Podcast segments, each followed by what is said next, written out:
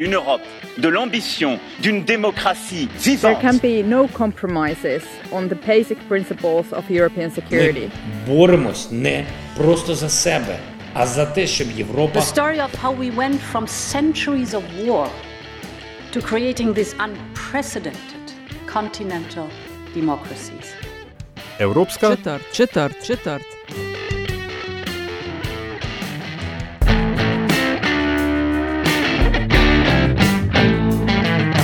Ali až deseti del je to pred nami, ne, te serije o Ukrajini, uh, serije Evropske četrti, um, ki jo z Aljažem Pengovom Bitencem delava na temo dogajanja v ukrajinski vojni. Začela sva pred uh, letom dni in uh, zdaj smo marca 2023 in vojni ni videti, ali až konca 100 tisoč mrtvih. Um, več kot 8 milijonov razseljenih, ko sem brala statistike, pa za 140 milijard plus dolarjev škode, uničene stavbe, 300 bolnišnic našteva, 3000 šol, 150 tisoč stanovanjskih zgrad. Rusija, najbolj sankcionirana država na svetu, kje smo in kam gremo eno leto potem z izvrstnima gostoma, Naljaš? Ja, tako je. Uh, tridnevna vojaška operacija, kako je tridnevna posebna vojaška operacija, se kar noče, noče uh, nehati. Um, In kot si rekla, uh, kje smo, kam gremo in uh, kakšen je svet zdaj in kakšen bo svet uh, potem, uh, nam bosta pomagala ugotoviti doktorica Jelena Juvan iz katedre za morboslovje Fakultete za družbene vede in Miha Lamprecht, komentator in nekdani dopisnik RTV Slovenije iz Moskve. Lepo zdrav obema. Dobar dan. Lepo pozdravljeni. Zdravo obema. Zdaj, z obema smo ločeno, sva ločeno razpravljala o tej uh, vojni. Mnogi so bili presenečeni pred dobrim letom, da je sploh do napada prišlo. Številni analitiki v to niso verjeli, čež da ni nobenega uh, racija v zadnji za takšno potezo. Zdaj me pa zanima vidva, eno leto potem, koliko sta pa presenečena, glede na to, kaj se je dogajalo v zadnjem letu. Mogoče Miha najprej. Ja, hvala za besedo.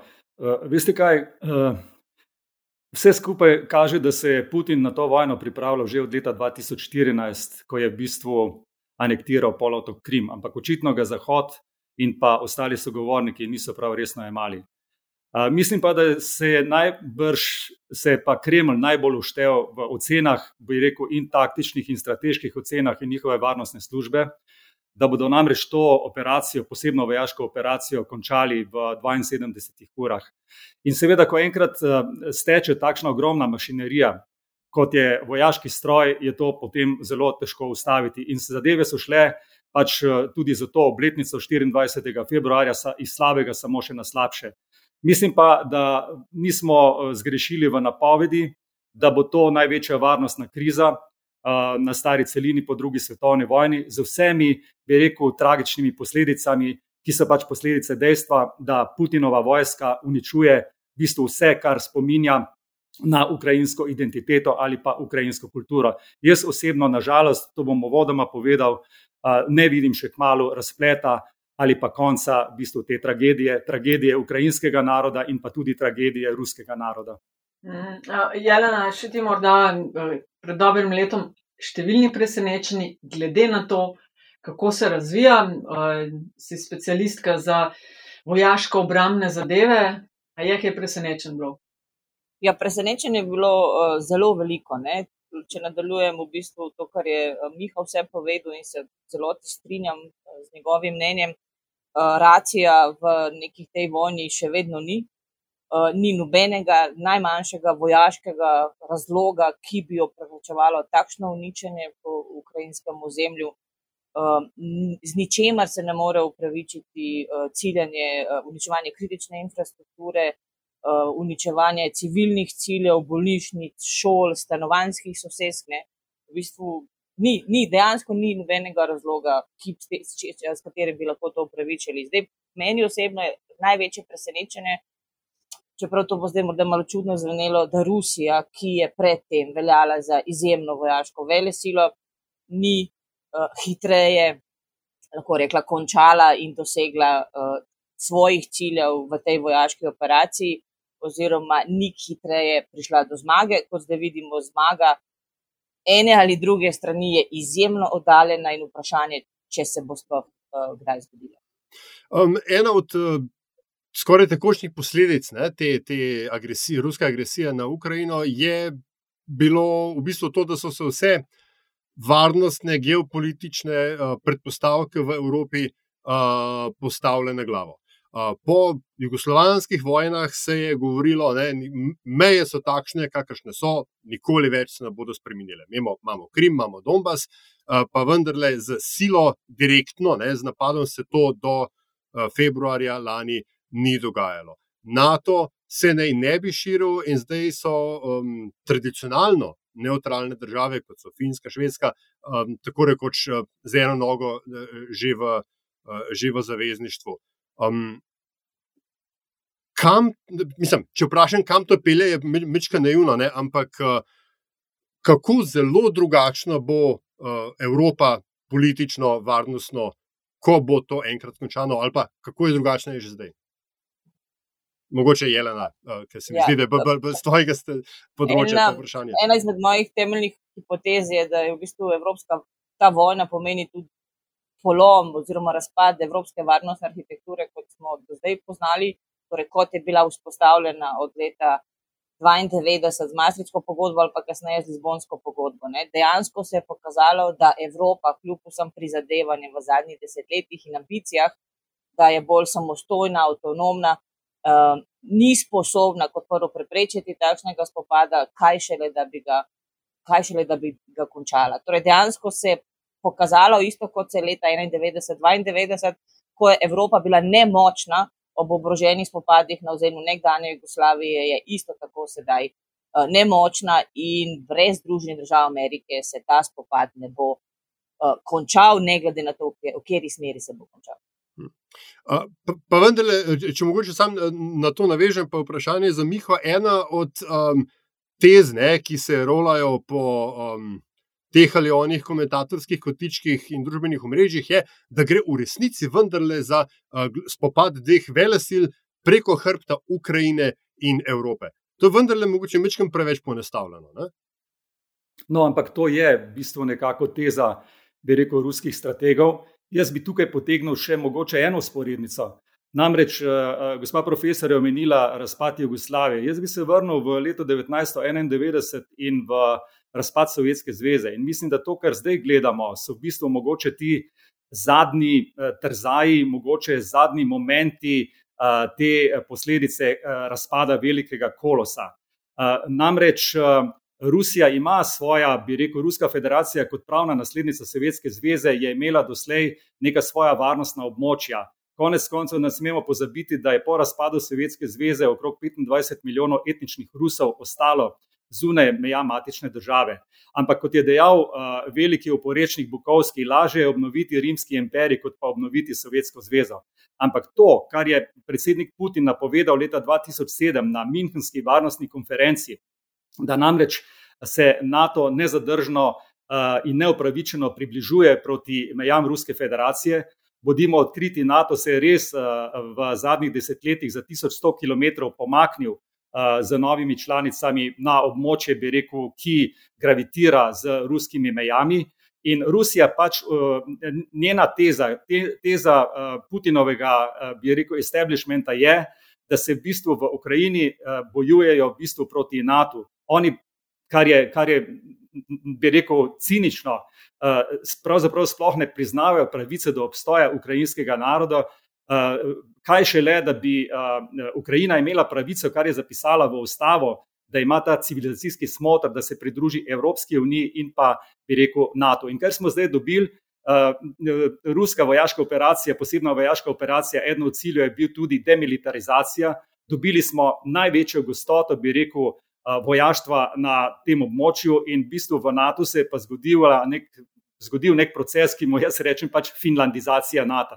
To so nekako grobi obrisi Skratka, Rusija domnevno ščiti neko svoje polje, interesno polje, in uh, ni slučajno, da se te zadeve dogajajo na tem širšem območju Donbasa, kjer je fronta vse 1500 km razširjena, kajti ruski vstajniki, samo to bi še povedal, zagovarjajo tezo, da gre za tako imenovano ozemlje Novorusije, ki se razteza od Donbasa na vzhodu pa do Odese na zahodu. Vmesni pas je pač to območje, ki služi kot ozemeljski koridor do polotoka Krim. Lahko sem še nekaj.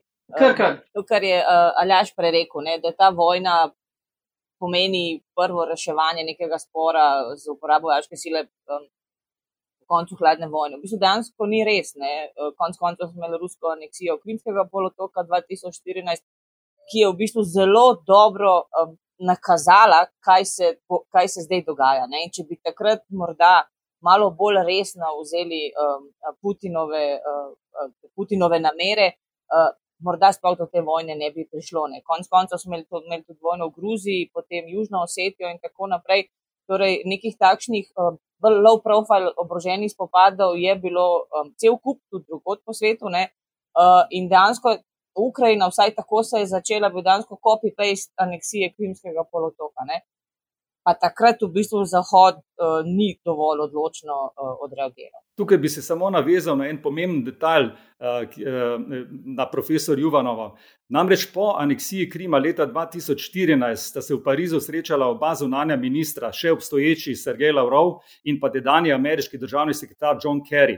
In Rusija je takrat dejala, ne, če boste samo spomnili z eno besedico uh, naš, bi rekel, zaokrožitev, našo zaokrožitev Eh, polotoka Krim, bomo uh, dvignili kočke in odšli iz tega zasedanja. In američani takrat v bistvu na ta način niso reagirali. Hočem reči, uh, dojemanje tako imenovanih Putin-ferštejerjev, se pravi ljudi, ki razumejo Putina, ljudje, ki imajo v bistvu poslovne in druge interese z, bi rekel, Kremljem.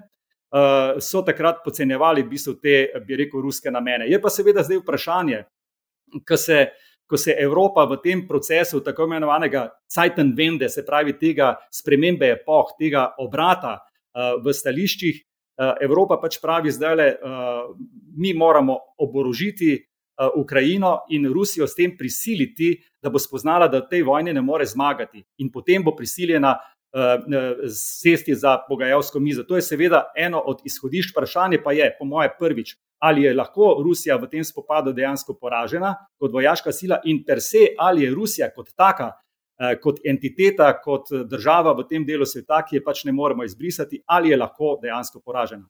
No, ko smo pri oboroževanju, čist eh, vprašanje iz radovednosti Jelena. Pričakovanja so bila, kot smo rekli na začetku, da bo tega konc v treh dneh, v 72 urah. Ne. Traja že dobro leto, konca ni na vidiku. Um, v kakšni formi je, glede na informacije, ki so na voljo, ruska vojska? Uh, jaz osebno, pa me uh, komod popravta, ne verjamem zgodbam o tem, kako so na kolenih, pa kako praskajo po dnu za novimi rekruti. Ker eh, se mi zdi, da je dosti jasno, da jih v Moskvi in okolici ne bodo iskali, imajo pa bazo na vzhodu in severu kar eh, veliko. Ne vem, mogoče se motim. Eh, da so v slabši formi, ker je toliko in toliko tankov uničenih, ker so tisoči vojakov izgubili življenje in, in so ranjeni, in tako dalje, mi je jasno. Jelena, kje so Rusi danes, vojaško? Zdaj, vsekakor je ruska stran tudi v tem letu uh, pretrpela zelo velike izgube. Um, število žrtev, to so zgolj ocene, ne, ker obe strani to skrivata. Uh, ocene so, da ne bi ruska stran imela od 180 tisoč do 200 tisoč mrtvih uh, vojakov. Kar pa v bistvu v primerjavi za celotno vojaško silo, ki so jo imeli pred začetkom vojne, in če upoštevamo v bistvu mobilizacijsko um, um, silo, ki je še nekje v ozadju, dejansko um, niti ni tako zelo veliko. Ne. Ruska vojska je, dejan, je resnično zelo, uh, bila zelo močna in uh, tudi številčna. Ne. Uh, pokazali so se nekatere težave, kot so um, slaba oprema, logistična podpora, uh, neuzdrževana oprema. Tisto, kar se je pokazalo, je tudi, da je uh, stopnja korupcije v ruskih obroženih silah višja, kot uh, so bile neke ocene, kar se je manifestiralo v tej slabi opremi uh, na bojišču. Ne. Ampak tudi ruska vojska se je v vseh teh, v tem obdobju, pa tudi v porazih, ki jih je doživela in v izgubah, se je nekaj naučila. Ruska vojaška industrija je izjemno močna, kot sem jaz zasledila, so šli dela 24 ur na dan. Rusija je že zaradi svojega izjemnega teritorija je sposobna v bistvu, kako bi rekla, suportirati to vojno še kar nekaj časa. Poleg tega so tudi države na svetu, ki podpirajo Rusijo, Iran odkrito pošilja uh, drone, uh, ki so, en, so izkazali za eno izmed, enega izmed ključnih oborožitvenih sistemov v to vojni, ki za svojimi napadi v rojih 100 do 150 dronov uh, ukrajinska stran ne more najti uh, uh, nekega primernega odgovora, ne, ne more, nima neke primerne zaščite. Ne. Tako da Rusija ni sama, ne? kljub temu, da iz naše evropocentrične perspektive mislimo, da je Rusija izolirana, ampak Rusija ni sama, seveda pa je spet tukaj ključno zdaj vprašanje Kitajske, o čemer verjetno bomo tudi kasneje v nadaljevanju povedali. Uh, po drugi strani, Miha, ne, je pa tukaj vendarle tudi um, politična, da ne rečem, notranja politična komponenta, ki uh, verjetno tudi vpliva na rečem, dinamiko uh, ruskega angažmaja. Um, teren, ki ga je uh, Putin in eh, režim v Kremlu, ki ste ga pripravljali, je bil ne, eh, nekako postavljen v, v kontekst zgodovinskih ruskih ozemelj, zgodovinskega položaja ruskega naroda. Stvari, ki smo jih recimo v našem prostoru pogosto slišali iz, iz Beograda, iz, iz strani Miloševičevega režima. In vendar zdaj stvari ne potekajo ne, tako, kot je bilo oglaševano. A je Eh, režim v Kremlju šipkejši danes, kot je bil pred letom dni? Ja, to je v bistvu zelo, bi rekel, zahtevno vprašanje. Včasih so se z usodo vodstva v Kremlju ukvarjali tako imenovani kremljologi. Danes pač spremljamo po vseh razpoložljivih informacijah. Jaz recimo spremljam ogromno tudi ruskih virov, tudi neuradnih ruskih virov poskušam prevzeti tudi to, bi rekel, optiko zahodnih medijev. Kaj se pa dejansko dogaja na samem bojišču, pa bi rekel, je pa, je pa e, zelo veliko vprašanje. Tukaj bi mogoče opozoril ravno na ta pomen tega nesrečnega kraja Bahmut. Ki ga Rusi imenujejo Artjomovsk. To mesto je bilo znano še iz Sovjetske zveze, da so tam uh, izdelovali uh, imeniten šampanjec, In zdaj se tam dogaja, bi rekel, taka usodna bitka, ki pripisujejo v bistvu velik tudi simbolni pomen in pa tudi strateški pomen, ne na zadnje. Ampak zakaj se mi zdi to pomembno? Dva bistvena momenta se mi zdita tukaj. Ne? En, ki ga bom poskušal elaborirati zdaj. Če bi spopadi za mesto Bahmut pokazali, da Rusija mogoče izgublja to vojno, vedno je pa v Rusiji veljal zelo visoko kotira tako imenovan kanon zmage. Vse je zmaga, zmaga, s čimer se mi identificiramo potem bi to lahko posredno zelo slabo vplivalo na ta, bi rekel, imič, politični imič Vladimirja Putina. Namreč zakaj? Septembra lani, ko je Putin razglasil delno mobilizacijo, pa vemo, da je šlo za mobilizacijo za rekrutiranje 300 tisoč, bi rekel, novih, eh, svežih eh, vojakov. Takrat je tale posebna vojaška operacija stopila v vsak ruski dom, v vsako hišo, eh, bi rekel tako metaforično, pred vsako ognišče. In takrat je prišlo v bistvu do tega zavedanja, kaj se v bistvu v Rusiji dogaja. Drugače pa, veste, danes se nam zdijo zelo, zelo nekako, če prikličem spomin, kaj se je dogajalo v Belorusiji leta 2019, ko je Svetlana Tihanovska. V bistvu bila Evropa na te zmage. Zakaj so v Rusiji utrdili, bi rekel, to pozicijo zadnjega avtokrata v Evropi, Lukašenka? Namreč očitno so že in takrat imeli neke, bi rekel, načrte, strateške načrte, da bi lahko eventualno tudi severa, kar se je potem zgodilo, vdrli v suvereno in samostojno, neodvisno Ukrajino. In zdaj, če gremo k temu, bi rekel, političnemu prostranstvu, ki ga v bistvu še vedno, zdaj že 23 let eh, obvladuje predsednik Putin. Vidimo, da so zdaj setkali vse, ki kakorkoli nasprotujejo v bistvu režimu osebnemu režimu, bi rekel, tej politični, osebni politični oblasti Vladimirja Putina. Vsi, ki so kakorkoli proti njemu, so se znašli bodi si ali pod zemljo, ali so zaprti, ali pa so morali prebegniti na tuje. Pa vendarle tukaj obstaja uh, neka, vendarle neka iskra upanja. Zelo na kratko bi povzel besede bivšega oligarha Mihajla Hodorkovskega. Napisal je, decembra lani je napisal knjigo Kako ubiti zmaja, ki ima v bistvu nekako zelo pomenljiv naslov. Ve se, kdo je zmaj in ve se, kaj je storiti. Namreč Hodorkovski pravi, če v Rusiji ki je v bistvu izpostavljena rigidnemu nadzoru. V bistvu uh, ogromno ljudi, na tisoče jih je zaprtih, neodvisnih medijev ni. V bistvu je samo ena ideološko-propagandna mašinerija, ki v bistvu deluje, seveda, zdaj tudi v vojnem času.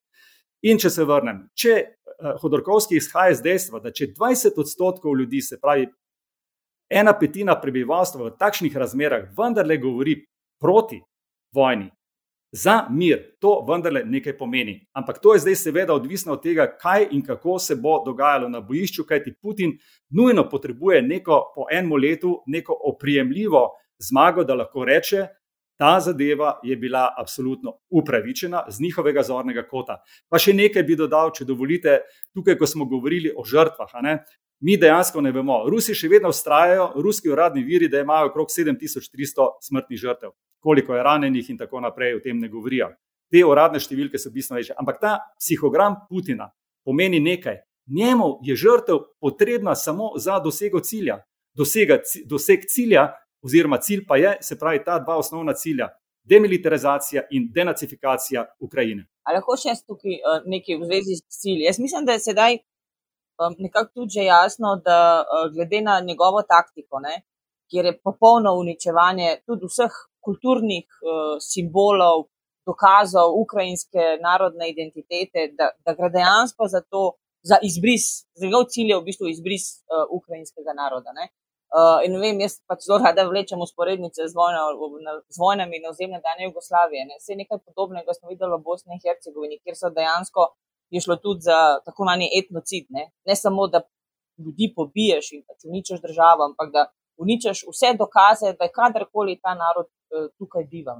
Torej, tukaj ne gre samo za, za vojaške cilje, tukaj je tudi v bistvu predvsem no, za ideološke cilje. Ne, ampak kaj je paradoks tega, tega časa, tega duha časa? Putin uničuje, njegova vojska uničuje tudi ruske državljane, ki živijo na tem tragičnem območju. In to tragično območje se je stoletja, se je tam usoda in geopolitika poigrala s temi ljudmi. Tako da ne, ne uničuje samo v bistvu uh, Ukrajincev, uničuje tudi uh, Ukrajince, ki govorijo ruski jezik in bi radi živeli v miru. To je problem. Ampak Rusi zdaj pravijo, mi smo, mi smo zdaj pridobili uh, s temi nesrečnimi referendumi, temu pač mi pravimo, nelegitimnimi referendumi v štirih pokrajinah. Uh, pravijo statistiki, Rusija ima šest milijonov novih državljanov. Mislim, to je dejansko oksimoron. Politični. No, se, v bistvu se Mika tudi to, to isto temo odprl, ampak ker je uh, Jelena uh, omenila, ne spet to primerjavo z uh, uh, jugoslovanskimi vojnami. Kako naj to temu lepo rečem? Ljudje, ki imajo v slovenskem medijskem prostoru uh, nezdravo navezanost na ruski narativ, ne, ne delajo primerjavo, čež da je um, ukrajinski, se pravi, da, da je spopad v Donbasu od 2014 dalje. Uh, enako kot uh, um, intervencija JLA v osamosvojeni Sloveniji in Hrvaški, pri čemer ukrajinska vojska igra vlogo JLA, uh, Luganski, Donetsk, sta pa Slovenija in Hrvaška. A, a lahko, vsaj za potrebe tega pogovora, um, to dekonstruiramo v, v vsej njegovi napačnosti, to tezo. Zdaj, uh, moje mnenje je, da v bistvu ta uh, navezanost uh, in kljub vsem dogodkom zadnjega leta prenavezanost določenih ljudi ali pa tudi deleža slovenske javnosti je izjemno nevarna. Ne? Um, ker ne glede na to, kaj se je dogajalo, je to, kar je Rusija začela in kar še vedno traja, je prepovedano, uh, nedovoljeno, je prepovedano po mednarodnem pravu, gre za kršitev uh, meja, uh, kot so bile vzpostavljene, gre za kršitev pravil v mednarodni skupnosti. Torej, Rusija je nasilnež v mednarodni skupnosti in ni nobenega upravičila, ne glede na to, kaj se je dogajalo uh, znotraj Ukrajine um, od leta 2014 dalje. No, poglejte, če smem, uh, vendarle je potrebno pogledati še nekaj desetletij nazaj, po razpadu Sovjetske zveze. Veste, oba parlamenta, tako ukrajinski kot ruski, sta sprejela zavezojoče dokumente, v katerih priznavajo, da nimajo nikakršnih ozemeljskih pretenzij druga do druge. Tudi Sevastopol, trdnjava ruske vojne mornarice na Krimu, pogodba je bila sklenjena za dolga desetletja vnaprej, ampak seveda, potem se je zgodilo za to operacijo nasledstva, ko je Jelcin v bistvu pač končal zaradi zdravstvenih razlogov svoje predsedovanje, ga je pač nasledil takrat začasno še premijer, pa potem predsednik Putin. Ampak Putin vse skozi deluje, njegova logika je, je nekako takšna. Mi se spopadamo z NATO. NATO deluje v smeri, da želi lokalni konflikt spremeniti v svetovnega in, in, in sprejema ukrepe, ki so do Rusije sovražni ukrepi. To je osnovna, bi rekel, optika in pa pojmovanje geopolitike v Kremlju. Uh, tako da, ampak pogledajte, uh, kakorkoli, jaz mislim, da je, da, je, da je Ukrajina je pač samostojna, suverena, neodvisna država. Pustimo zdaj ob strani, zakaj je Stalin uh, po, po vojnem obdobju, zakaj so bile in Belorusija, in Ukrajina, in Ruska federacija, zakaj so bile pa članice, bom rekel, Združenih narodov. Ampak Ukrajina je po pravu per se uh, država, samostojna. Uh, identiteta, ki, je, ki je šla tudi v nek proces, bi rekel, pridrževanja uh, Evropski uniji leta uh, 2014. Uh, brezvizumska politika se je takrat zgodila, uh, investicije so se povečale uh, v Ukrajini, ampak zgodil se je pa takrat nek v bistvu obrata, ne? uh, da so tedanjega predsednika uh, Janukoviča, v bistvu so takrat Rusi potem finančno prevzeli na svojo stran. To je povzročilo potem uh, vstajo na, na Majdanu in takrat se je v bistvu vsa zadeva uh, tudi nekako.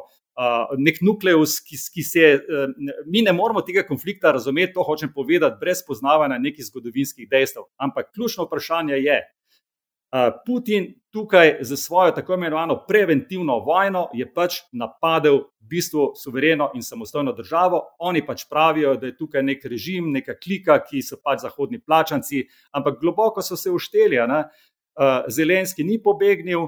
Zelenski pač mi lahko o njem debatiramo, kako je prišel, kakšna je bila njegova politična zgodovina, zgodovina kdo ga je takrat podpiral, in tako naprej. Ampak nedopustno, kaznivo in zločinsko je, da je pač ta velika država, velika soseda napadla državo, ki pač, bom rekel, ruski jastrebi nikako ne priznavajo nobene identitete, niti legitimnosti. To je tragedija tega časa. Ukrajina brani svoj teritorij, Rusija se gre, ko smo bili otroci, smo se igrali tisto igro Zemlja krast. Uničuje in targetira uh, ključno infrastrukturo, pomembno, Jelena, kot si omenila nekaj minut nazaj, pomembno za delovanje države, in vmes se slišijo tudi uh, jedrske grožnje. Koliko je po tvoji oceni, seveda, Rusija v svojih uh, kleteh in bunkerjih ima, da lahko svet zbriše? uh, ali pa spremeni v prah. Ne? Ampak koliko je po tvojem to blef, ker smo tudi omenili, da če pozorno poslušaš Putinove govore, zelo natančno napove, kaj bo naredil. Ker v tem zadnjem govoru, ki ga je imel, je s prstom že pokazal pa na Moldavijo, ne, kjer je, sem poslušala in, in uh, moldavsko predsednico. Ker jih je zelo strah, kaj se bo zgodilo naprej, ne? če pade Ukrajina. Skratka, to, koliko misliš, da so da se je treba bati teh groženj in ali je Moldavija naslednja? Um, zdaj, v bistvu, jedrska grožnja je prisotna že zaradi dejstva, da je vojno začela in vojno vodi država, ki ima jedrsko orožje. Ne? Um, državi, ki se je temu odpovedala, se, da ja. ne bi imela teh problemov. Ja.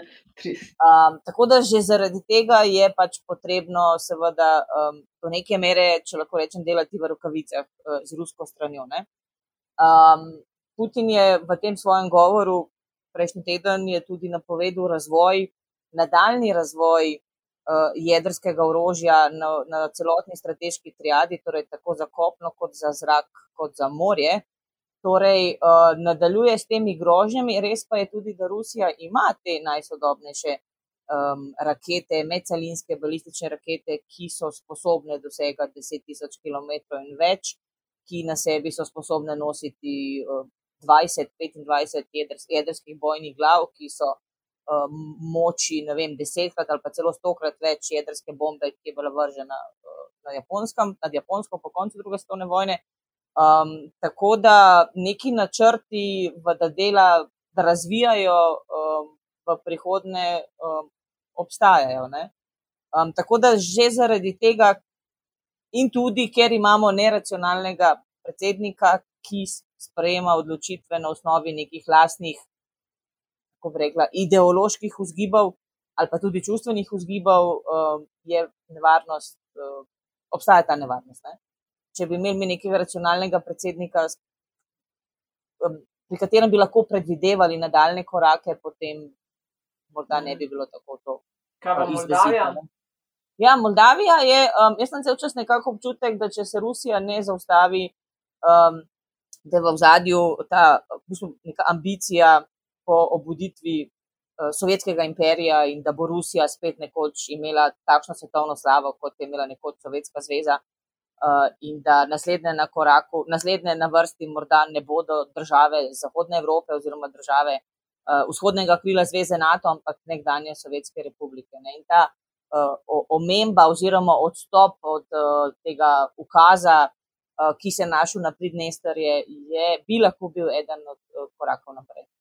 No. No, če dovolite, jaz bi spomnil samo, uh, bil omenjen ta znameniti Putinov govor uh, 22. februarja uh, pred, bi rekel, uh, rusko nomenklaturo, kjer so vsi uh, vneto poslušali in pa vsi aplaudirali ampak seveda to so bili samo izbranci. Dogodek je bil spretno prirejen z vsemi temi, bi rekel, propagandnimi prijemi. Takrat je Putin napovedal modernizacijo ruskih oboroženih sil, da bi nekako, da bi ta režim oboroženih sil prilagodili dejstvu, ki velja za ravno za ta, bi rekel, kot je gospa profesor rekla, to nuklearno triado. Ne? ki so pa že v 91 odstotkih opremljeni z tem najsodobnejšim orožjem. Jaz se bojim, da Rusija v tej nesrečni eh, tragediji v bistvu še ni uporabila v bistvu vsega svojega orožja. Omenili smo že, da delujejo ta vojaško-industrijski kompleks, pa seveda ne samo v Rusiji, ampak tudi na Zahodu, da v bistvu ruski deluje vsaj v, v treh izmenah. Ampak mi smo zdaj le dobili, tako kot pravi Naomi Klein, neke prekrivajoče se krize. In v bistvu ta nevarnost jedrskega spopada, nevarnost jedrske kataklizme je samo ena od teh pojavnih oblik teh prekrivajočih se kriz. Zdaj pa Putin vedno igra tudi na to, bi rekel, karto. Ne? Kaj so tiste rdeče črte, kaj so tiste rdeče linije, ki jih pač ne smejo prestopiti ne ena na druga stran. Pa vendarle, jaz mislim, da zlasti to ruski jastrebi, se pravi, zlasti bivši predsednik Medvedev, on je zdaj, on je drugi človek tega sveta za nacionalno varnost, v bistvu govorijo jasno o tem, da lahko uporabijo tako imenovano umazano bombo. Govori se o tako imenovanem, bi rekel, taktičnem orožju. In veste, jaz sem recimo gledam te ruske debate na teh uh, ruskih, bi rekel, tudi na prvem kanalu, pa pravijo. Uh, bi rekel, uh, uh, razpravljavci, pa zakaj pa vendarle ne, končam, ne končamo v bistvu te vojne, če jo lahko končamo v enem tednu, Zakaj pa ne uporabimo tega orožja? In potem odgovor uraden teh analitikov je: ne, ampak veste, Rusija vendarle uživa v svetu veliko mednarodno podporo in to za samo reputacijo Rusije, če bi uporabila tako imenovano umazano bombo, pač ne bi bilo dobro, ker odgovornost Rusije je bistveno večja od tega konflikta. Skratka, jaz eh, bi rekel, seveda, eh, eh, ruski establishment, zlasti Putin, se zaveda, da brez tega orožja bi bil praktično brezobi tiger. Ja, imajo veliko konvencionalnega orožja, imajo odlično razvito, bi rekel, raketne sisteme, protiraketne sisteme, najnovejše lovce, suhoj, grač, 35, najnovejše tanke, ki jih sploh še niso uporabili. Ampak ključno vprašanje pa je seveda, koliko časa bo Rusija lahko finančno skrbela za nemoteno v bistvu obratovanje tega vojaško-industrijskega kompleksa. In to, ko govorimo o teh prikrivajočih se krizah, se mi zdi res tragedija se mi zdi v tem, da so zdaj nekako zmagovalci te krize, ki jo spremljamo že dobro leto, so v bistvu so je industrija fosilnih goriv in pa so vojaško-industrijski kompleksi. In če mi pogledamo, recimo, včeraj je bil ravno objavljen podatek tega uh, nemškega vojaško-industrijskega obrata Rheinmetall, ki med drugim izdeluje tudi Panterje in pa Leoparde.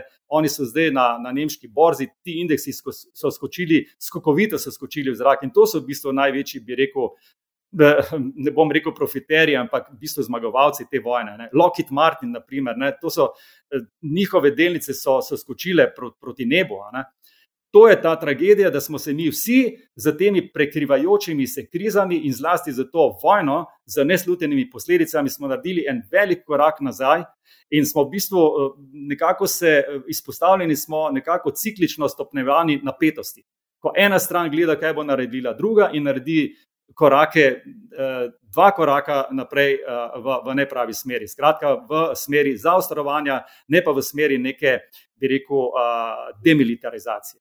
Um, lahko še jaz nekaj dodam. Glede na primer jedrskega orožja, meni se zdi zanimivo, da tudi Zahod, naprimer, ko se pogovarja o tem, omenja uporabo zgolj taktičnega jedrskega orožja, kao se je domet um, takšen, tolikšen, da bo uporabljen na ukrajinskem ozemlju in vzemimo, da Sem, se ne bo nadaljeval. Samo eno vprašanje, ja. govorimo o jedrskem, pa omenjaš taktično jedrsko. Ja. Za tiste, ki ne vemo razliko, mislim.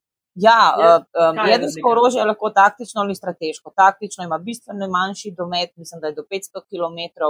Uh, strateško jedrsko orožje je pa to, ki ima uh, možnost, naprimer, da preleti, preleti zemljsko, uh, prepolovico zemljske poloble, da uh, v bistvu, uh, naprimer, so lans, uh, ruske medcelinske balične rakete se lahko lansirajo z ruskih strateških jedrskih podmornic v Atlantskem oceanu in dosežejo eh, zahodno obalo eh, Združenih držav Amerike, oziroma celo, eh, celo bolj proti rečem, centru oziroma središču Združenih držav Amerike. Ne, to je tisto, česar se američani najbolj bojijo in zato je tudi protiameriški, oziroma ameriški protiraketni ščit je tam skoncentriran. Ne. Torej, strateško jedrsko orožje je to, ki, kjer zadostuje 300 jedrskih bojnih glav, da v bistvu uniči um, življenje na Zemlji. Ne. Rusi imajo 5000 in še neki, američani imajo tudi nekaj tasga, uh, Kitajci jih imajo 300 in napovedujejo, da jih bojo povečevali v zadnjem naslednjem desetletju. Da, um, zato noben v bistvu dejansko ne govori o strateškem jedrskem orožju, ker to pomeni začetek konca. Ne. In tudi po jedrski doktrini Združenih držav Amerike, če so napadene z jedrskim orožjem, vedno odgovorijo z jedrskim orožjem vendar smo omenili smo tudi, da je očitno se v tem pogovoru jaz bolj na te geostrateške, geostrateške vprašanja fokusiram. Um, ruski svet, oziroma ruski mir, kot mu, kot, kot mu oni rečejo, ne, je um, obsega v nekem razumevanju sodobnem, predvsem uh, področje bivše uh, Sovjetske zveze. Nekateri bi sicer rekli, da je uh, Vladimir Putin uh, se bolj kot po komunistični sovjetski zvezi zgleduje po carski, po carski Rusiji, uh, ampak um, tudi na tem področju mu stvari ne gredo tako, kot bi si verjetno želel. Um, sploh na področju Centralne Azije. Kazahstan ima uh, v bistvu dosti presenetljivo, je nekako odvija stran od, te, od, od Rusije. Ne? V um, Gruziji uh, gredo stvari, sicer ne ravno po, da reči, ukrej, po proukrajinskih ali pa evropskih željah, ampak verjetno čisto po proruskih, pa tudi ne. Um, a je možno, da je enostavno uh, ta pogača, ne, ki, jo, ki jo želi Putin prežvečiti in, in speč, prevelika in da se mu pač rušijo stvari, medtem ko on gre, se ukvarja z Ukrajino, se mu na njegovem krilu, južnem krilu, stvari rušijo. Ne glede na to, kakšne ambicije in želje ima Putin, so te države, ki si jih ti omenil, nimajo nobene želje potem, da bi se vrnile nazaj pod okrilje matere Rusije. Um, to so tudi eh, predsedniki nekaterih, predvsem teh um, Kazahstan in drugih uh, držav, so tudi jasno povedali, ne? oni se, v bistvu se bojijo. Ne? Uh, tako da, če pride do tega, bodo oni tudi branili svojo samostojnost in neodvisnost. Ne? Nihče ne bo pokleknil, edini mogoče pač Lukašenko in Belorusija. Čeprav Lukašenko ima tudi svojo opozicijo, ki je izjemno močna in če ne bi imel, bi verjetno že zdavni se vključil tudi bolj aktivno v ta, v ta oboroženi spopad. Uh, vprašanje pa je, koliko je Rusija sploh sposobna, glede na uh, aktivnosti in udeležbo v vojni v Ukrajini, oziroma na ukrajinskem ozemlju, sposobna voditi dva, oziroma enega ali več podobnih konfliktov. Um, na neki točki se bo tudi ruska vojska um, iztrošila. Ne. Poglejte, pomembno je razumevanje. Uh, Putin je takrat, ko je pač uh, začel v bistvu ta svoje, svoje predsednikovanje, On je takrat rekel, da je razpad Sovjetske zveze največja geopolitična katastrofa minulega stoletja in celotna njegova politična platform, platforma deluje nekako na uh, restauraciji te bivše moči in teh bistveno uh, teh uh, interesnih območij, območij, ki gravitirajo v bistvu k bivši Sovjetski zvezi. Kot sem že v vodama rekel, uh, iluzija bi bila, uh, da bi se dalo to obnoviti v bistvu nekdani imperij imperiji imajo svoje zakonitosti in pač po določenem času so vsi imperiji pač propadli. Z vsemi, bi rekel, dramatičnimi posledicami. Ampak jaz vendarle ne bi bil uh, tako, uh, tukaj ni nekih enakovrednih primerjav, ampak ne bi bil uh, tako optimističen. Da so te uh, države nekako že krenile na, na pot lastne samostojnosti in pa neodvisnosti, bi rekel, ja, z izjemo teh držav, srednjeazijskih držav, ki so v bistvu turkojezične, bi rekel, govorne skupine, v katerih pa tudi živijo, bi rekel, etnični Rusi.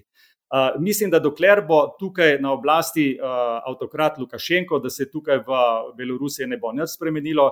Zdaj, pogledajte, Gruzija je po svoje, ko je bil na oblasti Mihajl Sakašvili, ki je med drugim študiral pravo v Ameriki in je bil na nek način eksponent ameriške moči. Uh, v, v, v Gruziji zdaj sprejemajo zakon, o registraciji v bistvu subjektov, da so, da so v bistvu tuji agenti. To je neka podobna replika, ki smo jo videli v Ruski federaciji. Ne? Tako da jaz mislim, da. Če dobijo da, več kot 20 odstotkov, ne? Ja, Če dobijo več kot 20 odstotkov financiranja iz tujine, se morajo ja. naj bi se opredelili kot tuji agenti. Tako, ja. To so Rusi že absolvirali, zdaj vidimo, kako ta, bi rekel, ta virus. Ne, tega nezaupanja in tega eh, karakterizir, karakteriziranja ljudi, da so pač agenti tujine, ne, kako se to v bistvu nezadržno širi. Ampak vendarle, veste, eh, zanimiva je primerjava, ko ocenjujemo v bistvu ta eh, razmerje moči znotraj Ruske federacije. Tukaj bom rekel, en podatek je, kakšna je bila ta pandemična kriza, kakšna je bila obdobje razumevanja v bistvu posledic pandemične krize In recimo ruski, eh, bi rekel, raziskavi javnega mnenja so eh, dale ta podatek, ne, da je bil v bistvu ta pandemični eh, prijem oziroma posledice pandemije COVID-a so bile bistveno večje, kot so zdaj posledice v bistvu te posebne vojaške operacije oziroma vojne v Ukrajini. In zanimivo je, da je, da je Putin na začetku te vojne operacije imel manjšo podporo, kot jo ima zdaj le ko so v bistvu pregnetili v bistvu, uh, uh, rus, ruski Vox Populi, rusko javnost, da se v bistvu uh, Rusija praktično spopada na ukrajinskem ozemlju z Zahodom, ki da želi uničiti rusko identiteto in pa v bistvu uh, Rusijo kot tako v svojih vseh zgodovinskih kategorijah. Ker tukaj se je potrebno vrniti nazaj. Ne? V bistvu Rus, Rus, ki se je začela 1867. leta, se pravi 867. leta v Kijevu, to je etnonim in to pomeni Rus, tam je v bistvu ta duhovna eh, središče, duhovna kultura, eh, bi rekel, ruskega naroda. Ne? In zakaj se Rus, eh, Putin se zdaj vrača k tem, bi rekel, eh, eh, vrednotam, ki so jih, bi rekel, eh, eh, ruski filozofi, ki so zagovarjali v bistvu. Tukaj solženici, ne recimo tukaj sploh ne pomembni, ker so bistveno Ilin, pa Dugin, pa Berdjajev in, in ostali, v bistvu se vrača k tem koreninam, v bistvu ruske tradicije, ruske identitete, identitete in ruske kulture in pa pomena v svetu, ker oni zase pač pravijo, da so oni neki nov uh, izvoljen narod za svojo posebno misijo. Ki ima druge civilizacijske vrednote kot recimo Zahod. To je v bistvu neko ozadje razumevanja tega psihograma, kaj se tukaj dogaja. Je pa po drugi strani še nekaj, po mojem, no, potrebno, da povemo. A veste, tudi ukrajinska država, pa pustimo zdaj, kateri koli predsednik je bil, ni prav razkošno ravnala, bi rekel, z etničnimi Rusi na teh, bi rekel, neuralgičnih ozemljih. Mi lahko pogledamo samo dva zakona, ki govorita o enakopravnosti jezikov. En je zakon iz leta 2012, ki govori o enakopravnosti jezikov, drugi je pa zakon iz poletja leti, leta 2021, ki govori o pravicah tako imenovanih prvinskih Ukrajincev, ki so živeli na teh tradicionalnih ukrajinskih ozemljih. In tukaj ni več govora o nobenem ruskem jeziku, o nobenem mačarskem, bolgarskem, romunskem ali eh, kakršnem koli drugem jeziku. Ne. To je pa, bi rekel, neka druga plat te, tudi te medalje, ki jo pa moramo observirati, po moje, Zdaj vem, se je težko sploh vse skupaj to racionalno dojeti, ampak vendarle to so drobni delci, ki generirajo v bistvu eh, ta toksičen odnos med obema narodoma. Um, ker je bilo že danes večkrat omenjeno, propaganda, informacije in kaj naj bi Rusija delala, kaj naj bi Zahod, bom uh, vprašanje o dveh delih imela Miha Zate na temo dezinformacije, ampak najprej Jelena.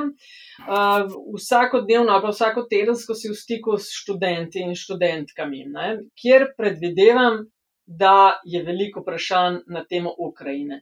S kakšnimi informacijami pridejo, a zaznavaš že, da so pod vplivom kakšnih eh, vem, medijev iz leve, desne, umestne, ruske, ameriške, kako koli, in kakšno vprašanje postavljajo, kaj jih zanima?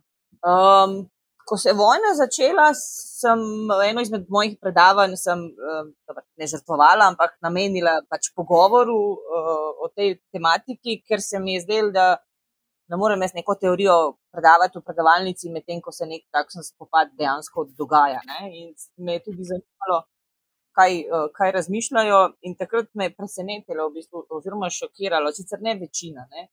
Ampak del študentov, ki bi tako, takoj takrat odstopili v Ukrajino, Rusiji. Ne, uh, in da, seveda, ne, zakaj, zakaj bi sploh uh, se Ukrajinci borili, Rusija pač ima tukaj prav. No. Zdaj, te niso več tako glasni. Ne.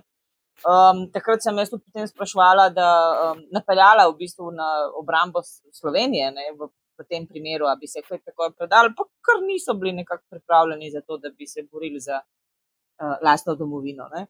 Um, kar je v bistvu presenetljivo, ne? tudi študenti obramboslovja so uh, bolj specifični v tem pomenu kot študenti kulturologije ali pa česa drugega. Um, tako da um, um, je zaznati tudi nekaj uh, proruskih stališč, oziroma isto kot v bistvu v javnosti. So pa uh, tisto, kar mene pa nekako bolj skrbi, je pa v bistvu to neko stališče, da, da, so, da je Amerika kriva za vse da v ozadju, eh, da mi smo samo ljudke v Evropi in da američani vlečejo eh, niti ne eh, in da za Amerika vse kriva. Ne. To se mi zdi kar neko tako široko razširjeno v bistvu stališče no, med mladino. Bom izkoristila to, kar je Jelena rekla, tudi za vprašanje tep Miha na temo dezinformacije. Analize kažejo, da sploh tudi mlajše populacije veliko novic iščejo, pa dobivajo prek družbenih omrežij, kjer se jasno bije propagandna vojna, vojna za narativo, kjer še posebej cvetijo dezinformacije.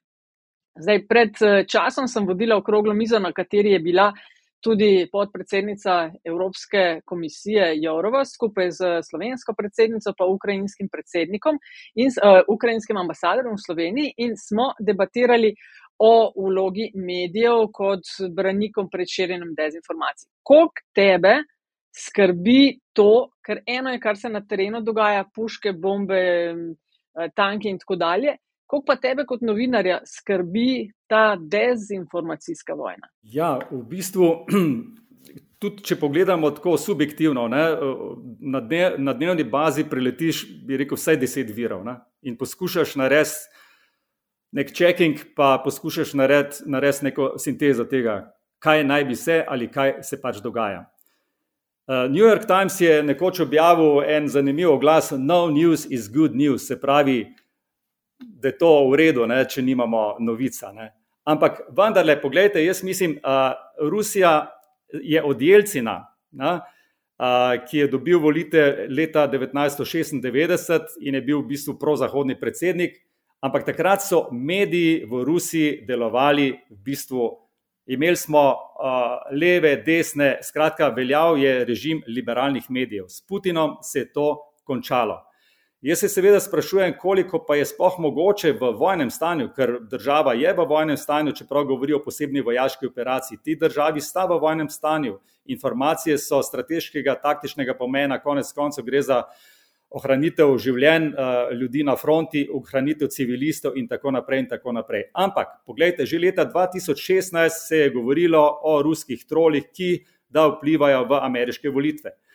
Empiričnih dokazov za to nimamo. Ampak dejstvo je, da se v bistvu z temi socialnimi omrežji, z digitalizacijo, z, bi rekel, digitalnimi multimedijskimi platformami se je način komuniciranja, posredovanja novic spremenil. Zdaj, koliko so mladi, to je gospa profesor lepo povedala, nagnjeni k temu, da poskušajo analitično prebirati, bi rekel, novice z tega ali onega spektra, jaz si to ne, ne upam soditi, ampak dejstvo je, da mi vsi danes uh, smo bombardirani kot konzumenti informacij z, bi rekel, mi smo over news and under informed na nek način. In če se tukaj v to uplete še uh, v bistvu ta uh, ideologizacija, propaganda, uh, hibridna vojna. Mi, pogledajte, zdaj en sam primer, ko se je lani zgodil ta domnevni napad na uh, severni tok v Baltskem morju. Sem, jaz sem najprej celo pomislil na neko teorijo zarote, da so morda to, zdaj bo zvenelo to paradoksalno.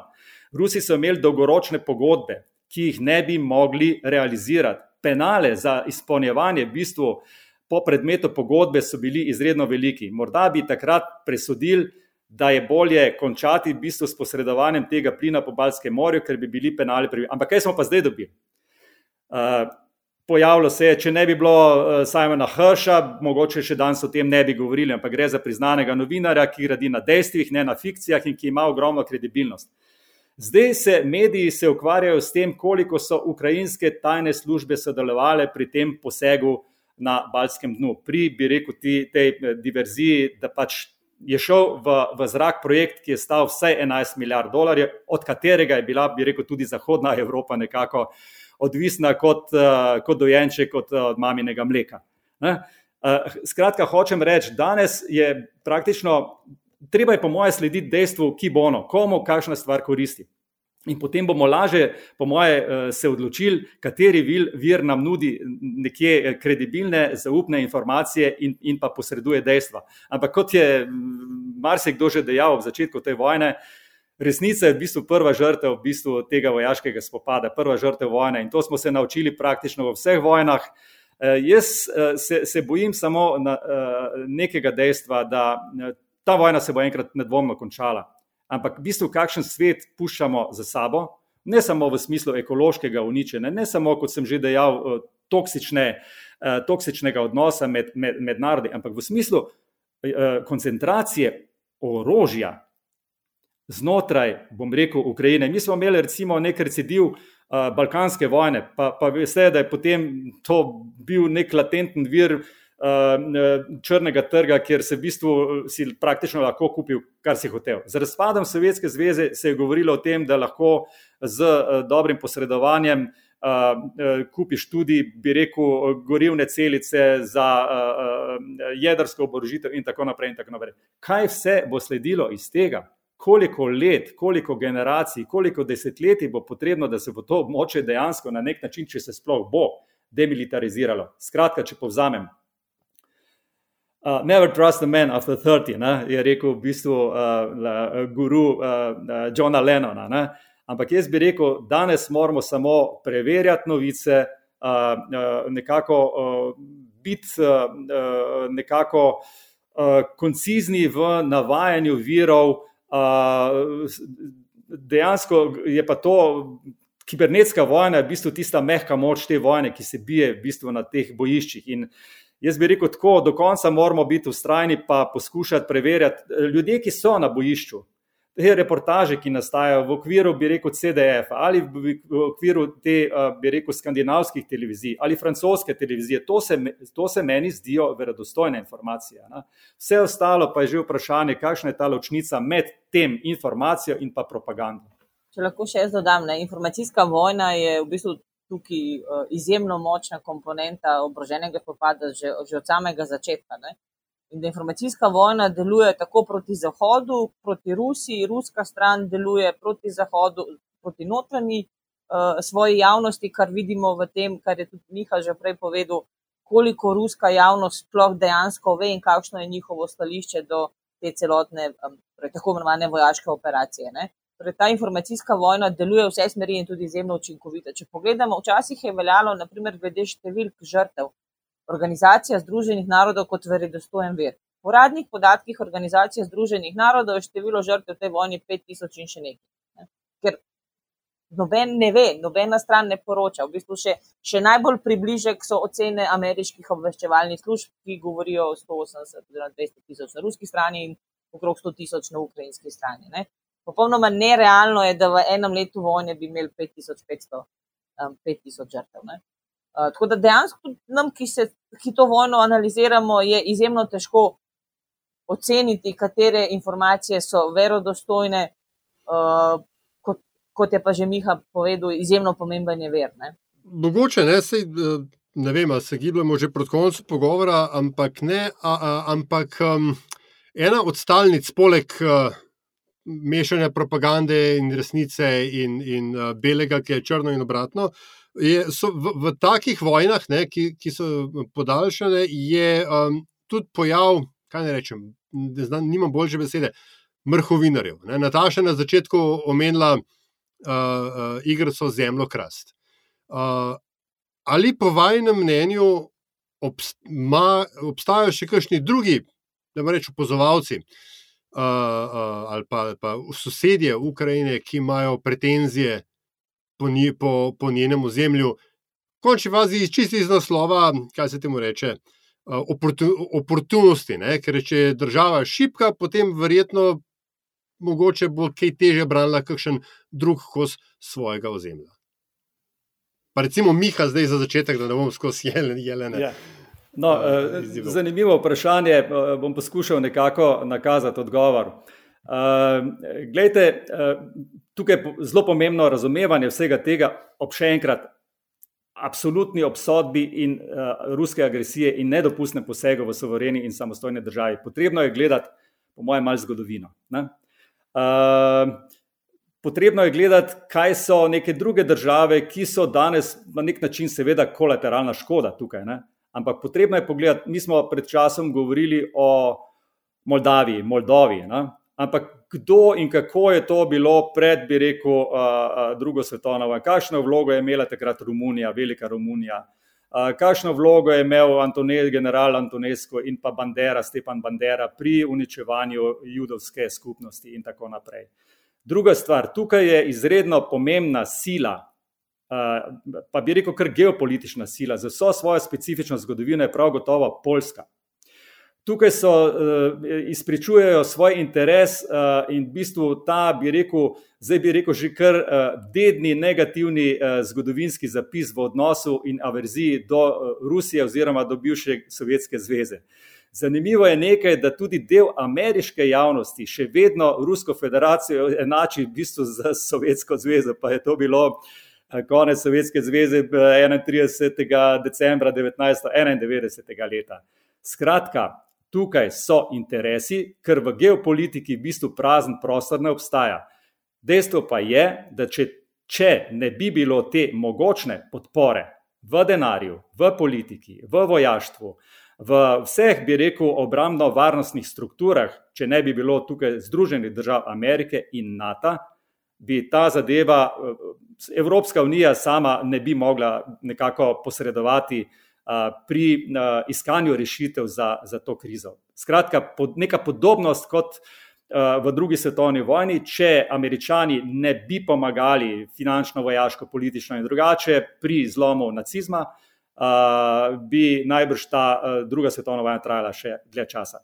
Hočem reči, vedno je potrebno gledati pod črto, kakšni so geopolitični interesi te, one, druge ali tretje strani, in seveda govorimo tudi o Eh, ne samo o kolateralni škodi, ampak tudi o mrhovinarjih, o vojnih dobičkarjih. Konec koncev mi moramo vedeti, po ukrajinskih izračunih naj bi obnova te nesrečne države, razrušene države, eh, prej je bila to srečna država, ljudje so tam živeli tudi v neki kohabitaciji, tudi v nekem mirnem sožitju, bili so mešani zakoni, ampak obnova te države naj bi po ruskih virih se približevala že nekako kar milijardi dolarjev. To pa pomeni, business as usual, te zadeve, infrastrukturo, uh, celotno državo bo potrebno obnoviti, in tukaj seveda nekdo že gleda, kdaj bo tisti trenutek, ko bo pač pristavil, bi rekel, svoj uh, lonček. Ne. Tako, mogoče to zveni rahlo cinično, rahlo banalno, ampak nekako vidim, da je potrebno gledati gospodarske in geopolitične interese pod črto, v bistvu, in potem dobimo nekako jasnejše obrise, zakaj tukaj gre. Ampak zakaj cinično, Miha? Vse to je v vsaki vojni. So, Veste, zakaj? Cinično, ja. si pogledajo, veš. Ja. Cinično, zato ker uh, drug del moje duše ob tem, kar gledam, krvavi. In ko imaš v bistvu imaš kolege, znance, pa ne bom rekel prijatelje, kolege, znance, na eni in drugi strani to dejansko vidiš, to, kar je Orlando Fajges napisal v knjigi People's Tragedy, tragedija ljudstva. Ampak to je pa zdaj, se pravi, jaz vedno rečem, tragedija ukrajinskega ljudstva, ki ima pravico do samostojnega, bi rekel, bivanja na tem ozemlju, na tem koščku, te, bi rekel, geopolitičnega ozemlja.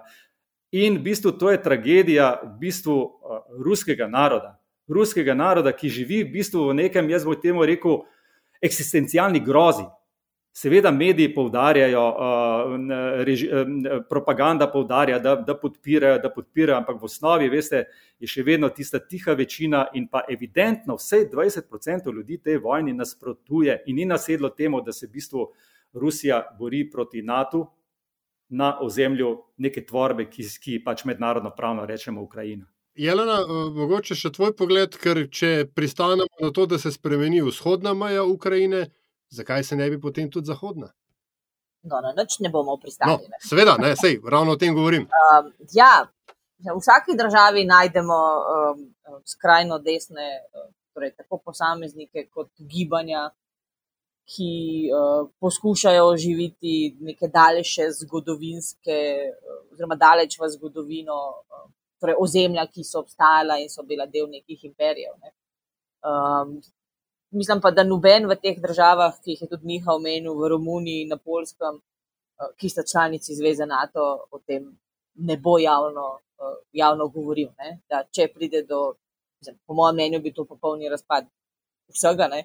Če bi do tega prišlo, da bi potem in Poljska in Romunija imele neke ozemeljske uh, pretenzije. Ne. Ker doben pa odvajal ni omenil Mačarske, ne?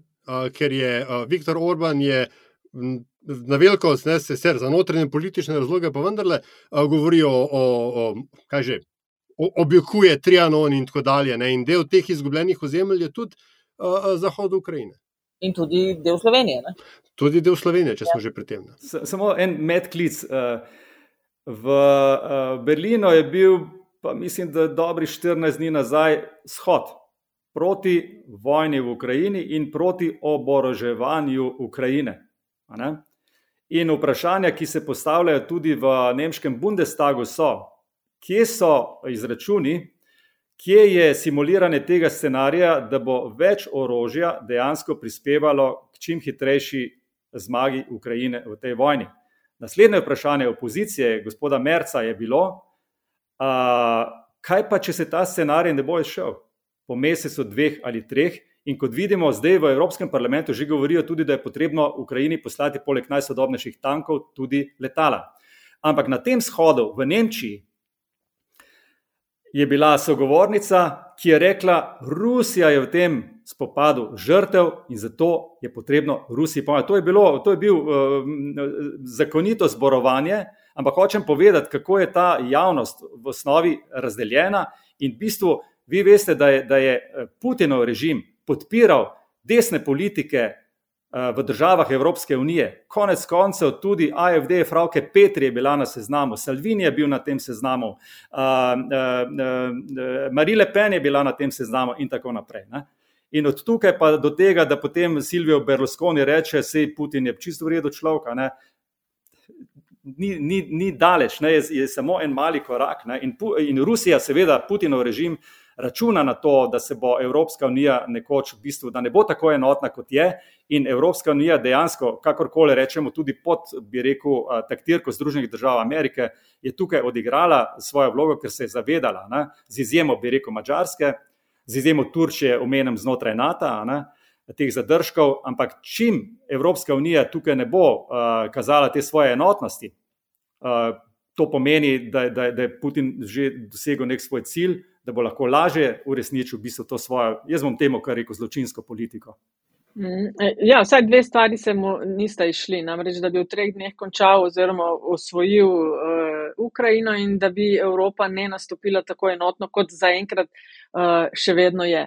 Uh, mogoče, za, uh, če gremo proti koncu, uh, vzpostavlja se data baza, s katero skušajo evidentirati uh, ruske zločine v Ukrajini. Uh, Eurojust, mislim, da se reče International Center for Prosecution of the Crime of Aggression. Skratka, poskušajo popisati vse, kar je narobe, vse zločine in tako dalje. Nedvomno zelo uh, težka in grozljiva naloga. Kakšno leto uh, naj jo po vajnem mnenju čaka, Jelena? Um, torej, z vidika vojne, uh, po mojem mnenju, vo, um, se vojna ta ne bo končala. Uh, trajala bo več let. Tisto, kar nekako vsi najbolj pričakujemo, je ruska ofenziva spomladi. Uh, učinki te so nekako že vidni. Predsednik Zelenski je um, po dolgem času, nekaj dni nazaj, priznal, da imajo ukrajinska vojska, da ima izjemne težave. Morda celo pripravlja vem, svojo javnost na to, da um, morda Ukrajina pa ni sposobna zmagati ali pa po drugi strani je to spet del njegovega pritiska na Zahod, da okrepi um, to finančno in pomoč v orožju. Ne. Tukaj se mi zdi predvsem pomembno, ne glede na to, da je prišlo do izjemne mobilizacije zahodnega, uh, torej zahodnega, um, zahodne pomoči, ne, pa vseeno Zahod ni dovolj hitro in dovolj jasno in odločno in učinkovito odreagiral. Ne. Tudi pri teh tankih, kaj bosta spremenila dva tanka ali pa 15 tankov ne? na takšnem bojišču, kot je ukrajinsko, oziroma na bojiščih in proti takšnim številkam tankov, kot jih ima Rusija. To, to ni nič. Ne? Tudi Nemci, ko se je začel govoriti o tem, so potem rekli, ok, poslali bomo dva leoparda. Ne? To, to, to, meni je to smešno. Ne? Torej, um, Zahod je, bi moral, oziroma bo moral, če želi dejansko Rusijo poraziti, um, veliko bolj odločno odreagirati.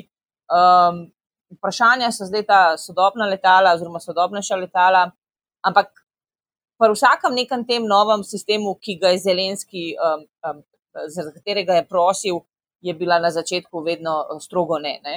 Tudi uh, glede uh, sistemov Patriot so američani nekaj mesecev trdili, da ne bojo, potem so pa popustili in poslali en, en sistem.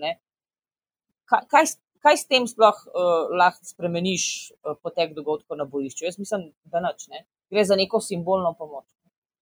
Uh, tako da, kaj nam leto prinaša, uh, zelo, jaz bi rekla, da v bistvu sem tukaj zelo pesimistična, tako glede dogodkov uh, na samih ukrajinskih bojiščih, to v bistvu veliko um, globalneje.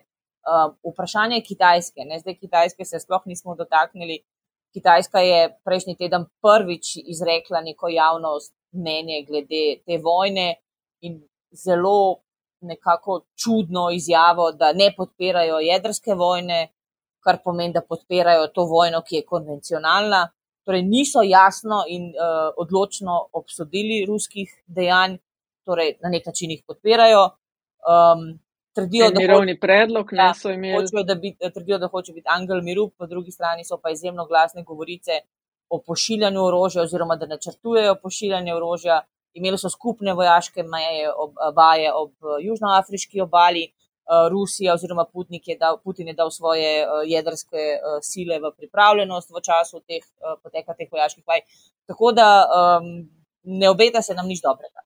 Miha, še tvoja ocena, kaj se ti zdi?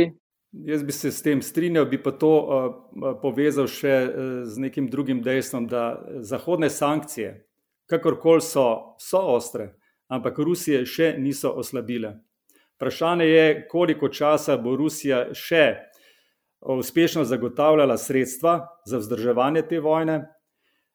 Zdi pa se mi, to je pa po svoje nek logični paradoks, da v bistvu čas, kategorija časa, element časa v tej vojni, v tem trenutku, pa mogoče, če to položimo še za leto, ki prihaja, deluje Rusiji v korist kakorkoli to zveni paradoksalno, ampak na to bi pa še vezal še eno zadevo. To so na nek način tudi špekulacije, kaj se dogaja v Kremlju, se, ker v Rusiji je ta uh, oblast je, uh, personalizirana, v bistvu ta sistem predsedniške oblasti je pač vezan na uh, Vladimirja Putina, ki ima v bistvu še pred sabo možnost uh, podaljševanja svojih mandatov.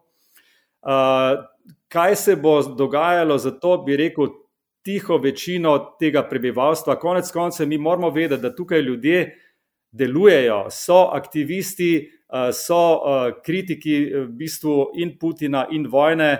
Jaz sem prav posebej pogledal, pa so recimo ljudje, ki, ki so častni ljudje, pa recimo to Marina Osjanikova, novinarka, pa je to pevec frontmen skupine DDT Juri Ševčuk, pa je Marina Litinojevič, ki je v bistvu aktivistka, ki je nekoč sodelovala celo v, v Putinovem štabu in se je zdaj pač uh, zarotila v bistvu proti, proti njemu in, in deluje v, v smeri uh, pomiritve oziroma v smeri sankcioniranja v bistvu tega režima, ki je odgovoren za vojno. Mogoče bi tukaj uh, končal samo za eno, bi rekel, zgodovinsko refleksijo. Mislim, da se bo vojna nadaljevala, ampak v, v bi rekel, ruski zgodovini, v minulem stoletju, sta se vendarle, ruski sovjetski zgodovini, v minulem stoletju sta se vendarle zgodili dve pomembni zadevi. Eno je abdikacija carja Nikolaja II.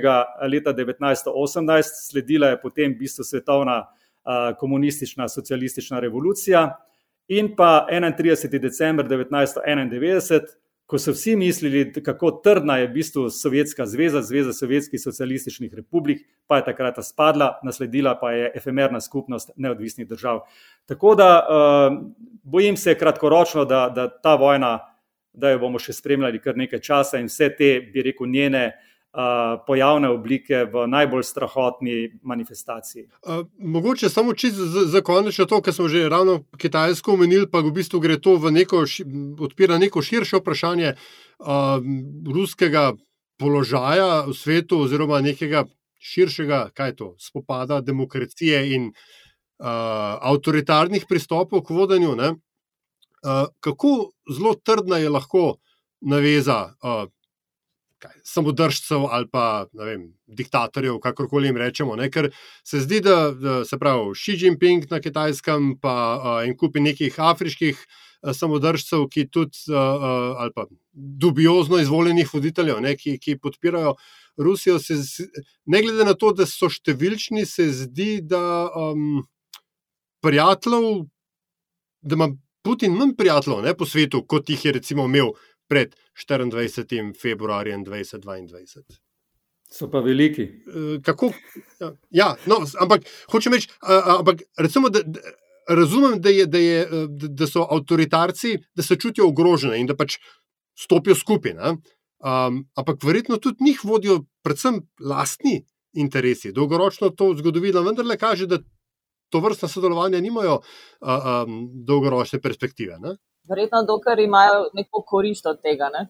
dokler bodo imeli korist in dokler lahko skozi te odnose uresničujejo svoje lastne interese, ne glede na to, kakšni so, uh, bodo podpirali Putina. Ne? Tisto, kar uh, se mi zdi, da vsaj nekateri so bili tudi presenečeni nad tem um, mobilizacijo zahodnega javnega mnenja in pa zahodnih voditeljev.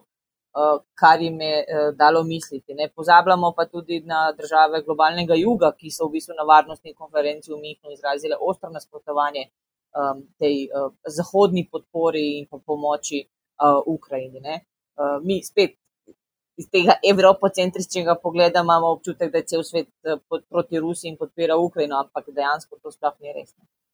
No, jaz bi mogoče samo to še dopolnil, ko govorimo o teh velikih igralcih. Uh, obstaja v bistvu ta trikotnik eh, Washington, Moskva, Peking. Ne?